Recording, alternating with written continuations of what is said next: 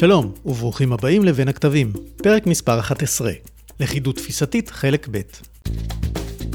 בין הכתבים סוגיות עכשוויות באמנות המערכה הצבאית בפרק הראשון דיברנו על התופעה במלחמת לבנון השנייה ובקרב בבינג'בל. הפעם נמשיך לדבר עם חוקר התופעה, תת-אלוף במילואים הדוקטור מאיר פינקל, ראש תחום המחקר במרכז דדו, על הופעותיה בצה"ל, כיצד לזהות אותה ומה ניתן לעשות איתה. אני ליאור רשף, ואתם על בין הכתבים. כבר אמרנו שזאת לא תופעה ייחודית למלחמת לבנון השנייה, אלא תופעה חותכת שחוזרת על עצמה.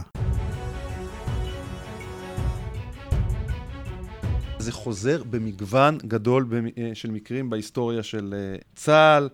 אנחנו מכירים את הסיפור של המתחים בין משה דיין לבין מפקד אה, פיקוד הדרום, אסף שמחוני, בהקשר של הפעלת חטיבה 7 במלחמת סיני, שהגיע למצב שדיין רצה להדיח את שמחוני. שמחוני, רק להזכיר, נהרג בתאונת מטוס בדרך חזרה ממסדר הניצחון, אבל uh, זה היה כנראה מגיע לעימות uh, גלוי. שמחוני הפעיל את חטיבה 7 מוקדם uh, ביחס למאושר על ידי הרמטכ"ל, מסיבות שבאמת תקצר היריעה מלהסביר אותן כאן. לנצל הצלחה. הוא חשב שזה יותר נכון, היו שם אילוצים. מדיניים שקשורים לשותפות הישראלית-צרפתית-בריטית. הכוונה הייתה להשתמש בצניחה במיתלה כדי להוכיח לבריטים שאנחנו רציניים, ומצד שני, אם הם לא ייכנסו למלחמה כפי שחשש בן גוריון, להשיג אותם לאחורה ולהגיד שזאת פעולת תגמול. שמחוני לא היה שותף שמחוני סוד זה סיפור, ל... שמחוני כן היה שותף, הבין את השיקולים המדיניים, החליט שעצבן אותו, שהרמטכ"ל אה, מחליט בשבילו מה התפיסה, והוא החליט שיש לו הבנות יותר טובות. אם נתמצת את העניין, היה בו גם מרכיב של חוסר משמעת.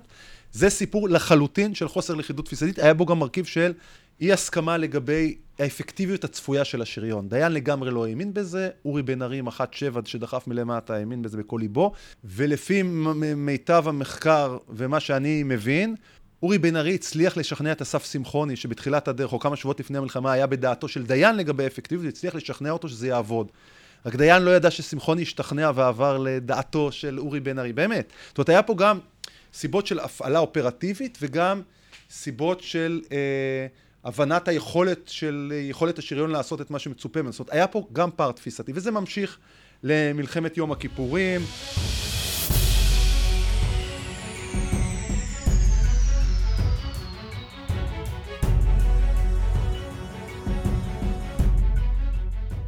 הסיפור של המעוזים בתעלה, מה תפקידם במלחמה, וזה נחקר ארוכות ואני לא אכנס יותר מדי לפרטים, אני מזכיר שהיה ויכוח גדול לפני המלחמה בין uh, גישות ההגנה השונות, אריק שרון וישראל טל צידדו במה שנקרא הגנה גמישה, פחות להישען על המעוזים, יותר כוחות uh, ניידים של שריון מאחורה. Uh, חיים בר-לב, הרמטכ"ל, שייקה גביש, גביש, מפקד פיקוד הדרום, אברהם אדן, כסגן מפקד uh, גייסות שריון, פיתח את תפיסה של uh, קו המעוזים, תוכנית מעוז, וגם הוביל את בנייתה כמפקד אוגדת סיני. ואחר כך אנחנו מגיעים למלחמה, הוא עכשיו אה, מפקד אה, אה, אוגדה במילואים. הוויכוח ביניהם הוכרע על ידי הרמטכ"ל, הרמטכ"ל אמר אנחנו הולכים על מעוזים, עיקר הסד"כ יישב במעוזים, ויהיו מחלקות טנקים שיחברו אליו. אריאל שרון, לא, לא ניכנס ל, ל, ל, לפרטים, אריאל שרון מתחילת שנת 70 מקבל את הפיקוד על ה... על, על קו התעלה כחלק מפיקוד הדרום, הקו כבר מוכן עם תפיסת המעוזים והכוחות, אבל יש לו את הגישה משלו. אז כמו כל אלוף פיקוד טוב, הוא מתחיל למסמס את הגישה הראשונה, מתחיל לסגור מעוזים, והוא סגר חצי מהמעוזים, ומתחיל במקביל לפתוח, בונה את קו התעוזים. עשרה קילומטר מזרח. כן, כן, שמאפשר פעולה אה, יותר גמישה. יולי אה, 73 מחליף את אריאל שרון גורודיש. גורודיש מתחיל לפתוח את המעוזים. אה, הסיפור הזה של המעוזים מעיד על בעיה כפולה שהייתה בעצם מעורבבת בדיוני המטכ"ל. והגיע למלחמה. תפקידם בשגרה היה יחסית מוסכם, אבל אפשר לראות שהוא לא מוסכם באופן מלא, כי אלוף פיקוד אחד סגר חצי והשני התחיל לפתוח אותם, אז גם בשגרה לא הייתה הסכמה כנראה.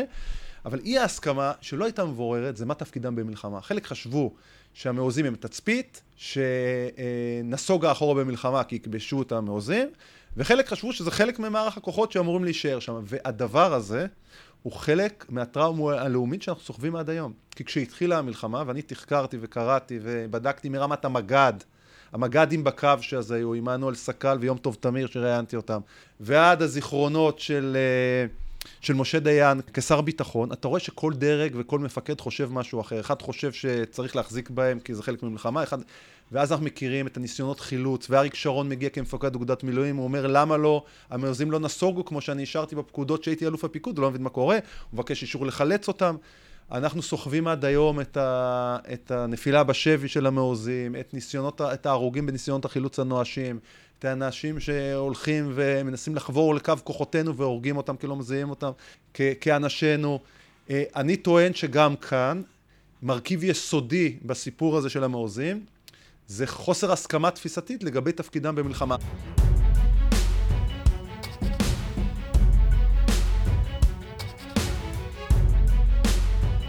אני, אני אתאר עוד, אה, עוד תיאור אחד של אירוע של אה, התפתחות של פער בלכידות תפיסתית, במקרה הזה תוך כדי מלחמה. לא קשור לתפיסה מוקדמת, אלא משהו שאפשר לקרוא לו ברמה הטקטית. מי שמזהה את העניין הזה זה הרמטכ"ל דוד אלעזר, ומדובר בפער בינו לבין מפקד אה, חיל האוויר בני פלד. האירוע מכונה במחקר של שמעון גולן, חוקר הרמה האסטרטגית במחלקת היסטוריה של צה"ל, קנטרה מעניינת את זקנתי. אה, אלה המילים שבהם משתמש אה, הרמטכ"ל דדו, והוא עוסק בחוסר התיאום בין הרמטכ"ל לקראת, ובין מפקד חיל האוויר לקראת סוף מלחמת יום הכיפורים. הרמטכ"ל הנחה את חיל האוויר בבוקר ה-18 באוקטובר לסייע לפעולת הצליחה צליחת התעלה באמצעות תקיפת צוללות טילי הקרקע האוויר בצפון גזרת הצליחה באזור אסמאעיליה. לעומת זאת, בני פלט, מפקד חיל האוויר, נתן פקודה, לטענתו משיקולי נוחות מבצעית, נדבר על זה עוד רגע, לתקוף צפונה מהאזור שאליו התכוון הרמטכ"ל, באזור קנטרה, ובתקיפה עבדו שלושה מטוסי פאנטום. פלט גם פקד לתקוף תחנות מכ"ם במפרץ סואץ, כהכנה למבצע אור ירוק, מבצע של צליחת התעלה, תוכנית שהייתה בידי צה"ל לפני זה, למרות שלא הייתה בכוונת הרמטכ"ל לבצע באותו זמן איגוף ימי. כשהבין הרמטכ"ל דדו את הפער בין ההנחיות שלו להנחיות של מפקד חיל האוויר, הוא זימן דיון בנושא מדיניות ההפעלה של חיל האוויר לאותו יום אחר הצהריים. ובו אמר למפקד חיל האוויר בין היתר, אם אתם, טוב לכם להתפזר לכל מיני משימות שלא מעניינות אותי, אז רגע, אם זה טוב לכם, תיקחו לכם חבל ארץ ותתאמנו שם בהפצצות. שמעון גולן, חוקר מחלקת היסטוריה, כותב, האירוע חושף את הדילמות בתהליכי קבלת ההחלטות ברמת המטה הכללי בסיטואציה שבה מפקד המערכה האווירית, מפקד חיל האוויר, מפקד הזירה היבשתית, מפקד פיקוד המרחבי והרמטכ"ל תופסים באופן שונה את הצרכים ואת הקדימות בהפעלת הכוח האווירי.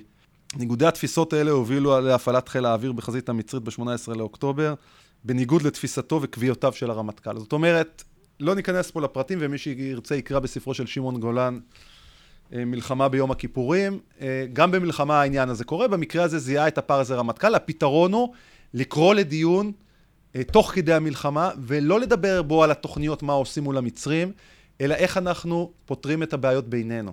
ואם אני מרחיב את הסוגיה הזאתי, ויש עוד דוגמאות שאנחנו לא נפרט אותן כאן, של קציני מטה תוך כדי מלחמה, שבהם אה, אה, מה שהם עשו זה ניסו לקרוא למפקדים ולגרום להם לדבר על, ה, על הפער התפיסתי ביניהם. הערכות מצב, דיונים שעוסקים בתוכן עצמם, לא מאפשרים דיון בבעיה שמעל, בפערי הסכמה תפיסתית. הם מצריכים סוג מסוים של דיון. אה, אפשר לעיתים לקרוא לו דיון למידה, אבל זה פורמט אחר של דיון שמאפשר, לרוב הוא בצורה מצומצמת, לא בנוכחות של כל קציני המטה, אינטימית, שמאפשר בירור של הדברים האלה. ולכן העבודה הזאת לא הסתיימה כשיצאת למלחמה עם תפיסה ותוכנית מתואמת, היא צריכה גם להמשיך תוך כדי לחימה.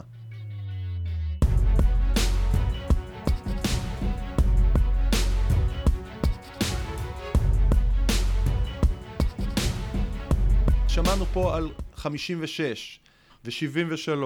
אז ב-82 מה שקורה, יש ויכוח, יש ויכוח במטכ"ל, מה יעדי המבצע?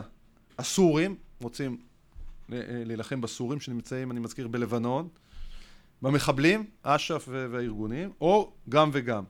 יש משחק מלחמה במאי 1981 שנקרא אוויר פסגות, ושם במשחק מלחמה, מטבע הדברים, וזה אחד מהפתרונות שנדבר עליהם בהמשך, אה, עולים לדיון העמדות השונות ואפשר לדבר עליהם. זאת אומרת, זה לא... זה, זה, זה סיטואציה מצוינת, משחק מלחמה, שבה אתה יכול ללבן את הדברים. הרמטכ"ל, רפאל איתן, סיכם שהיעד הוא פגיעה במחבלים בלבנון, והקלת הלחץ על הנוצרים, שהיו במלחימה מול אש"ף, אבל לא תקיפת הסורים. תוך כדי המלחמה ניסה אה, איתן להפעיל את אה, כוחות צה"ל כך שהמגע עם הסורים יהיה מצומצם ככל הניתן, הוא לא רוצה להכניס אותם למלחמה. ואריק שרון פועל הפוך, מנסה להרחיב כל הזמן את הלחימה כדי להכניס אותם למלחמה. בסופו של דבר תקיפת הטק"א פותרת את בעיית הלחימה. פותרת את בעיית הסורים נכנסים למלחמה, אבל גם פה אפשר לראות אי הסכמה לגבי, אה, עקרונית לגבי העניין הזה. עוד מקרה, אנחנו מדברים עכשיו על 2002, לפני 2006, פה תרגיל מטכ"לי אבני 7, פברואר 2002, תרגל תרחיש של מלחמה בזירה הצפונית. התחקיר של התרגיל הזה נקרא שלושה רעיונות מערכתיים בזירה אחת.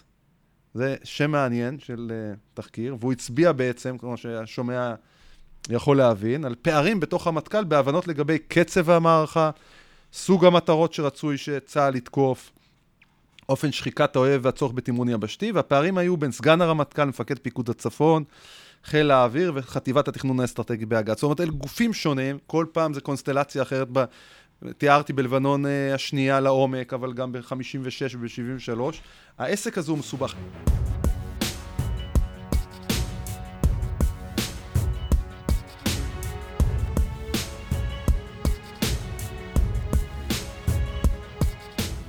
אם זו תופעה חותכת, תגיד, למה זה קורה? מה הסיבות? למה זה קורה? לא כי אנשים טיפשים, זה קורה ממגוון סיבות. אני אגיד ככה, יש, אפשר לחלק את הסיבות לסיבות עקרוניות וקבועות, היסטוריות, וזה סיבות שמחמירות את המצב לטענתי בשנים האחרונות. הסיבות היסודיות, אפשר לקרוא להן עניין אה, מרכיבים של פערים תפיסתיים אישיים, שלא נובעים מוויכוחים אה, פרסונליים, אלא נובעים מזה שאנשים מגיעים לתפקידים שונים, ודיברנו פה על הרמטכ"ל, ומפקד פיקוד, ומפקד חיל האוויר, וראש חטיבת כזאתי, וראש חטיבה אחרת במטכ"ל, והדרג המדיני, נובעים מ... נקרא לזה אמונות ותפיסות עמוקות שמתגבשות לאורך שירות צבאי של עשרות שנים. אנשים עברו חוויות שונות, וההיכרות שלהם עם הבעיה בצורה אחרת. לדוגמה, דדו, נאמר עליו בצדק שהוא לא הכיר כל כך את, אה, את, את, את הלחימה בסיני. הוא היה איש של פיקוד צפון, הוא היה מפקד פיקוד צפון בששת הימים, הוא התעסק הרבה בזירה הזאת, את סיני הוא לא כל כך הכיר, אף פעם הוא לא פיקד שם על יחידות בדרך, ו, והזמן והמרחב היו שם שונים לחלוטין ביחס לרמת הגולן. וזה גרם כנראה להטייה של חלק מההחלטות שלו, התפיסות שלו. ואז, אז אפשר להגיד שבמרכיב אחד, הוא ההיכרות של האנשים עם הבעיה והתפיסות היסודיות שלהם לגביה.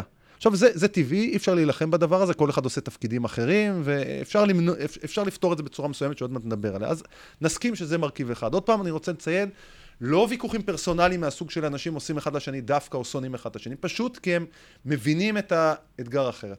המרכיב השני, והוא עוד יותר עמוק ומבני, זה הבדל בין דרגים בצבא. בין המטכ"ל לצורך העניין, בין uh, מפקדת פיקוד מרחבי או מפקדת חיל האוויר, ובין נניח אוגדה, כמו אוגדה 91, uh, אה, במקרה של מלחמת לבנון השנייה, או, או מקרים דומים. לכל דרג יש התמתחות מסוימת נקודת מבט מסוימת שמעצימה מטבע הדברים את הדברים שבהם הוא ממוקד.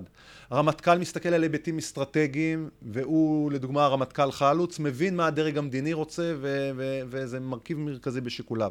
מפקד הפיקוד אה, אודי אדם מסתכל יותר ברמה האופרטיבית, הוא צריך לנצח את האויב. מסתכל יותר ברמה, נקרא לזה, צבאית, למרות ששניהם זה רמות צבאיות, אבל היבטים אחרים. מפקד האוגדה, יש לו בעיות אחרות. זה מובנה.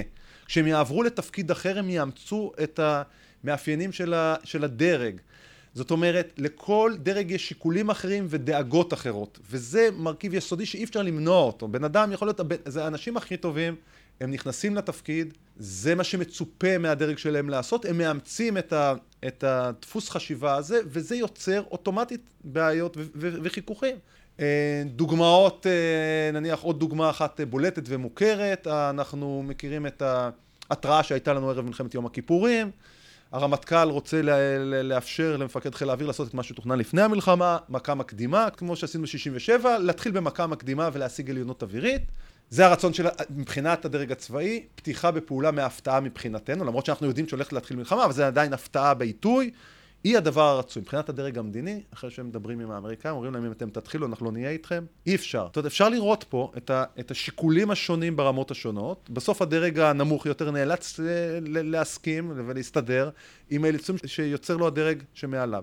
הדבר הזה הוא יסודי. זאת אומרת, נכנ...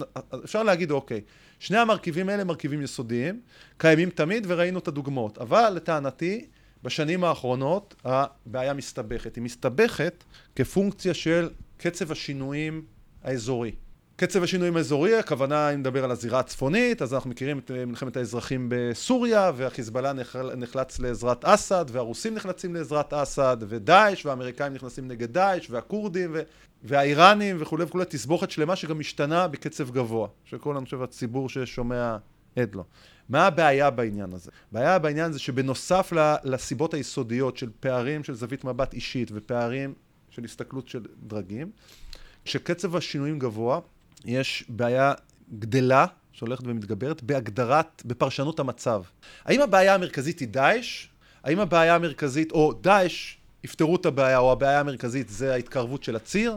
האם הגורם המרכזי שמפריע לנו זה ההתקרבות האיראנית או החיזבאללה בגבול? האם הרוסים מפריעים לנו במידה כזאת או אחרת? זאת אומרת, העניין הזה הוא נתון לפרשנות שונה מטבע הדברים. כשהמציאות האסטרטגית משתנה וגם המציאות האופרטיבית משתנה, הכוחות זזים לפה וגם המציאות הטקטית משתנה, נכנסות מערכות וכולי וכולי, כל הסלט הזה יוצר קושי הולך וגדל כיום בצה"ל של היום.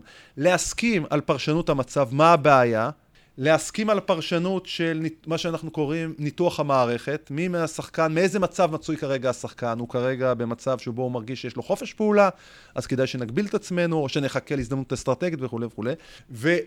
והסיפור הוא לא רק לגבי הגדרת המצב, אלא כמובן אחרי שהגענו להסכמה על הגדרת המצב, מה דפוס הפעולה הנכון, גם כאן יש מגוון של רעיונות שמשתנים כל הזמן.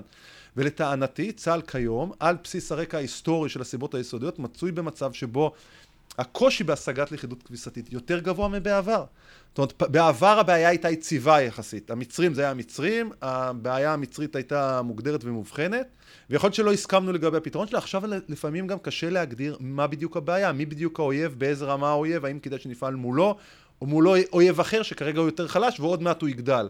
והעסק הזה מכביד על, ה, על הקושי בהשגת לכידות תפיסתית. תגיד, ואיך ניתן לזהות אותה, את הפער הזה ב... הזיהוי של, ה, של הפער הזה אה, בא לידי ביטוי ב, בדיונים שנעשים ב, על התפיסות לזירה הצפונית. בשנים האחרונות צה"ל מפתח מאוד את החשיבה התפיסתית שלו.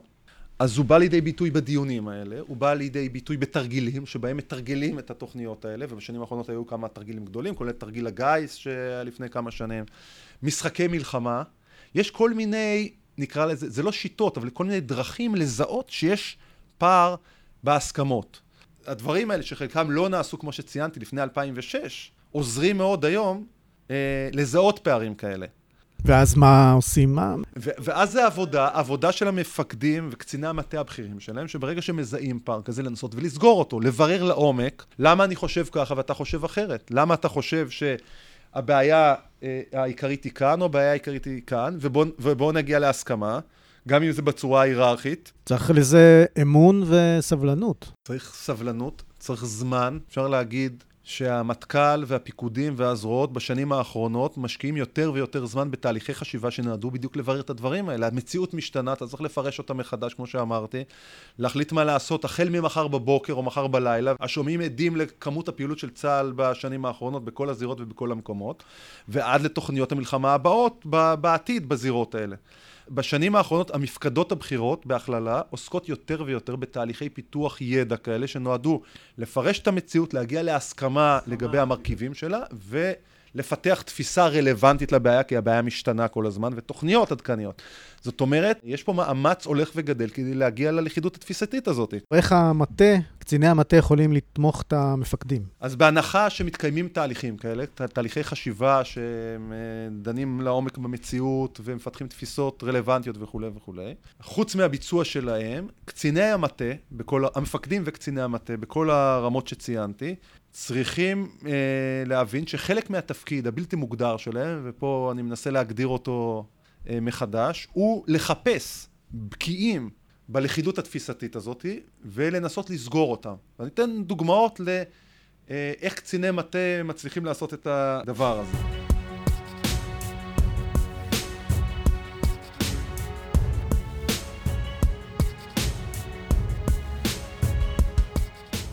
דוגמה אחת היא קשורה להיערכות צה"ל לנסיגה בלבנון, והדוגמה הזאת היא מביא בספר שלו לא נרדם בלילות, אלוף במילואים גיורא איילנד, שהיה ראש חטיבת המבצעים, ראש אמ"ץ, ראש אג"ת, ראש המל"ל, והוא מספר על עצמו כראש אגף מבצעים. אה, הוא נמצא בדרג שבין, אה, לא, לא, הוא, הוא, הוא כפוף ל, לרמטכ"ל שאול מופז, אבל הוא נמצא בלב העניינים, והוא מזהה את הפער התפיסתי שיש בין ראש הממשלה ושר הביטחון אהוד ברק, לבין הרמטכ"ל שאול מופז ומפקד פיקוד הצפון גבי אשכנזי, בהקשר לתוכנית היערכות צה"ל אה, לאחר הנסיגה מלבנון. לא, לא על איך נסוגים, אלא איך, צה"ל נערך, איפה המוצבים, איפה המחנות. המתח נובע מהרצון של ראש הממשלה מצד אחד להיצמד לקו הגבול הבינלאומי, לסגת עד המילימטר האחרון, כדי לקבל אישור פורמלי של האו"ם, ובעקבותיו לגיטימציה בינלאומית רחבה. הוא אומר, אנחנו נסוגים עד הסנטימטר האחרון. מצד שני, הרצון של הרמטכ"ל מופז ומפקד פיקוד הצפון, לבסס את קו המוצבים החדש אחרי הנסיגה על תוואי שטח מיטביים להגנה, שמטבע הדברים, מי שמכיר את גבול הצפון, נמצאים מהצד השני של הגבול הבינלאומי. עכשיו, הסיפור הוא מדהים במובן של אה, הפער התפיסתי, ואיך נכנס קצין המטה לתוך העניין הזה. אז איילנד כותב בספר שלו כך: הבנתי כי אף על פי שהרמטכ"ל מופז ושר הביטחון ברק מדברים באותה שפה ומשתמשים במושג יציאה חד צדדית, הם מתכוונים למעשה לשני דברים שונים בתכלית. התפיסה של הרמטכ"ל הייתה כזו: ישנה החלטה פוליטית לצאת מלבנון, ובעיני אה, הרמטכ"ל המשמעות של יציאה חד צדדית היא שיש להיערך באופן טקטי שונה, אך עם אותה תפיסה אסטרטגית. צה"ל צריך להמשיך אה, ולהחזיק שטחים שולטים אה, בתוך לבנון, אך במקום שאלה יהיו במרחק של 10 עד 15 קילומטר מהגבול כמו שהם היו עד עכשיו, הם יהיו במרחק של כמה מאות מטרים ממנו. צה"ל, בעיני מופז, צריך להמשיך ולתמוך בצד"ל, ולחזק אותו, וכמובן להמשיך בפעילות מבצעית מהאוויר ומהיבשה בתוך שטח לבנון. ובעצם השינוי הוא שבמקום שהכוחות יצאו למערבים ממוצבים בתוך אזור, אזור הביטחון, הם יעשו זאת מתוך מוצבים שעל קו הגבול. זה בעיני הרמטכ"ל, אבל ברק התכוון למשהו אחר לגמרי. מבחינתו היה מדובר באסטרטגיה חדשה שלפיה צה"ל ייסוג לחלוטין בלבנון, יערך על גבול בינלאומי מוכר, ובמקום להתבסס על יתרונות טקטיים של שליטה בשטח כזה או אחר, תתבסס ההרתעה הישראלית על לגיטימציה בינלאומית. מבחינת ברק המשמעות של יציאה חד צדדית הייתה התנתקות מלבנון, לרבות מצד"ל, והפסקה של כל הפעילות המבצעית בתוכה. הבעיה לא הייתה כמובן קיומן של דעות שונות, אלא שגם ברק וגם מופז חשבו שהם מבינים זה את זה כהלכה, בעוד שבעצם הם נעו מחשבתית בכיוונים אחרים. הבחנתי, מספר אה, איילנד, הבחנתי בדואליות המסוכנת הזאת ולכן בהערכת מצב רמטכ"ל באחד מימי חמישי בבוקר חילקתי למשתתפים דף שמציג את שתי הגישות השונות תוך ציון של כל נקודות השוני ביניהן בסיכום הדיון הסכים מופז שאי אפשר לשמור על עמימות ופער כזה בתוך הממסד הישראלי. קיבל, קיימנו אצל ברק דיון בוער ביותר ובו הצגתי את ההבדל בין שתי הגישות. ראש הממשלה היה נחוש בדעתו, אך לא היו לו תשובות לשתי השאלות של הרמטכ"ל ושל אלוף הפיקוד הצפון אשכנזי, בעניין הפריסה וכולי וכולי. ואז הוא מסכם ואומר, וזו דוגמה פנטסטית לתפקיד של קצין מטה, לבעיה ולתפקיד של קצין המטה, מעבר לנושא עצמו, הרי שבמקרה זה, כמו עשרות מקרים אחרים לפניו, ואני תיארתי רק כמה, המחיש כי גם אם מדובר בשני אנשים שמדברים באותה שפה, באים מרקע מאוד דומה, נפגשים כמה פעמים בשבוע, ואפילו גרים באותו יישוב, כוכב יאיר, אין זה אומר שמפרשים מושג מסוים באופן זהה. העניין לא היה שמופז הבין את ברק אך ניסה להכתיב בשטח פתרון אחר, אלא שהרמטכ"ל פירש את המושג יציאה חד צדדית באופן שאינטואיטיבית נראה לו נכון, בעוד שברק חשב אחרת לגמרי.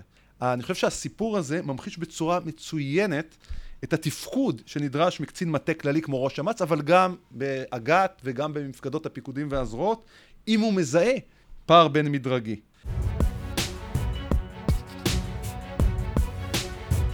דוגמה נוספת לקצין מטה שמזהה פער תפיסתי ומנסה לסגור אותו היא שוב ממלחמת לבנון השנייה. הפעם עוזר הרמטכ"ל רוני נומה, יום אחרי אירוע החטיפה ב-13 ביולי, מציע לחלוץ לטוס לפיקוד צפון ולשוחח עם מפקד הפיקוד אדם פנים מול פנים לאור פערי העמדות שהתבהרו בדיון. חלוץ כותב, כבר במפגש זה עלה נושא מהלך קרקעי בלבנון. אודי אדם הסתייג מכך, והתרשמתי שהביטחון העצמי שלו התערער. שוחחתי איתו במשרדו שבמוצב הפיקוד. ביני לביני החלטתי שאתן לאודי גיבוי ככל שיידרש. האלוף רוני נומה סיפר בריאיון לספרו של פינקל, הרמטכ"ל, שכאשר שאל אז את הרמטכ"ל חלוץ איך הייתה הפגישה עם האדם, הוא נענה כי היא הייתה מצוינת. אולם מאוחר יותר אז הוא פגש את האלוף אדם, שאמר לו כי התפיסה שהרמטכ"ל הציג באותה פגישה שגויה מיסודה, וכי היא תביא לנפגעים רבים. נומה טוען שאירוע זה הוא רק דוגמה אחת למגוון מפגשים, שמהם שני הצדדים יוצאים עם הבנות הפוכות או שונות מאוד. נראה כי תוצאות המפגש, שבעיני הרמטכ"ל חלוץ יצר לכאורה תיאום ציפיות עם מפקד פיקוד הצפון אדם, החריף בפועל את הפער ביניהם.